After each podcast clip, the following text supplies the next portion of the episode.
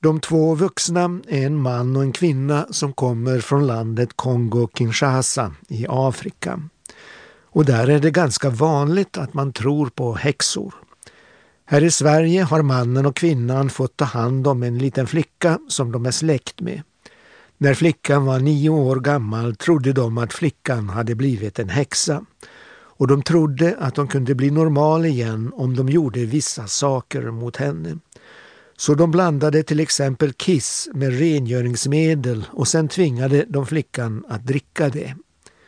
Mannen i familjen ska också ha slagit flickan och sparkat henne i huvudet. Efter misshandeln kräktes flickan blod och fick åka till sjukhus. Flickan har också fått ett synfel som kanske beror på misshandeln.